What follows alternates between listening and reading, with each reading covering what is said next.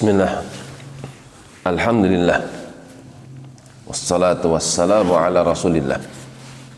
Wa ala alihi wa ashabihi wa man wala wa ba'd. Sampai kepada firmannya dalam surat Ad-Dukhan. Walaqad fatanna qablahum. Dan sungguh kami telah memberikan ujian Qablahum Sebelum kaum musyrikin Arab kaum Fir'aun.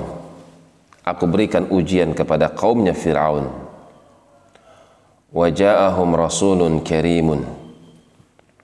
Dan aku telah mengutus kepada mereka seorang utusan karim yang sangat baik yang sangat dermawan. Cinta kebaikan untuk kaum cinta kebaikan untuk manusia. An addu ilayya ibadallah yang Rasul ini mengatakan kepada Fir'aun wahai Fir'aun serahkan kepada kami ibadallah hamba-hamba Allah dari kalangan Bani Israel. Mereka adalah keturunan-keturunan yang mulia. Jangan kau perbudak mereka. Inni lakum rasulun amin.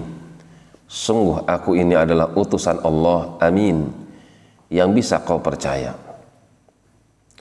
Wa alla ta'lu 'ala Allah. Janganlah engkau menyombongkan diri terhadap Allah ketika Allah perintahkan engkau kepada sesuatu akan tetapi justru kau lebih memilih hawa nafsumu ketimbang perintah Allah. Itu namanya ta'lu 'ala Allah menyombongkan diri di hadapan Allah. Inni atikum bisultanim mubin. Sungguh aku akan datangkan kepada engkau sultan.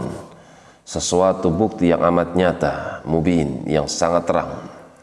Wa inni udtu bi rabbi wa rabbikum antarjumun. Selembut apa pun dakwah yang diserukan oleh Musa kepada Firaun dengan bahasa yang santun, dengan kelembutan akan tetapi hawa nafsu kesombongan itu menjadikan orang ini menolak kepada kebenaran.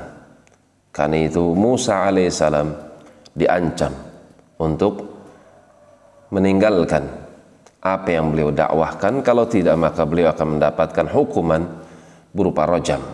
Karena itu beliau katakan wa inni udtu bi rabbi. Sungguh aku berlindung kepada Tuhanku. Wa rabbikum. Dan Tuhanku itu adalah Tuhanmu. Aku minta perlindungan kepada Dia Allah Subhanahu wa taala antar jumun dari apa yang kau ancamkan berupa rojam, pelemparan batu sampai meninggal. Siapa pun nabinya, siapa pun rasulnya, dan siapa pun umat yang membangkang kepada nabi dan rasul tersebut kecuali mereka mengancam nabi tersebut dengan ancaman-ancaman pembunuhan hal ini menunjukkan kepada kita bahwasanya yang namanya syariat itu satu.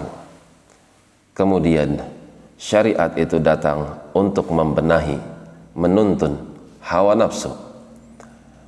Akan tetapi ketika hawa nafsu manusia itu selalu berhadapan, bertubrukan dengan syariat, maka di situ nampaklah siapa orang-orang yang benar-benar tunduk kepada Tuhannya.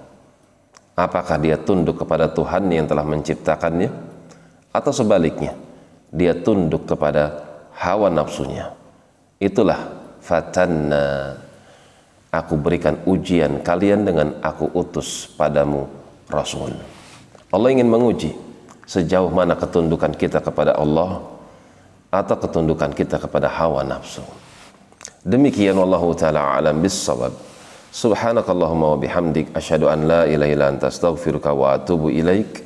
Tafadalu barakallahu fiikum.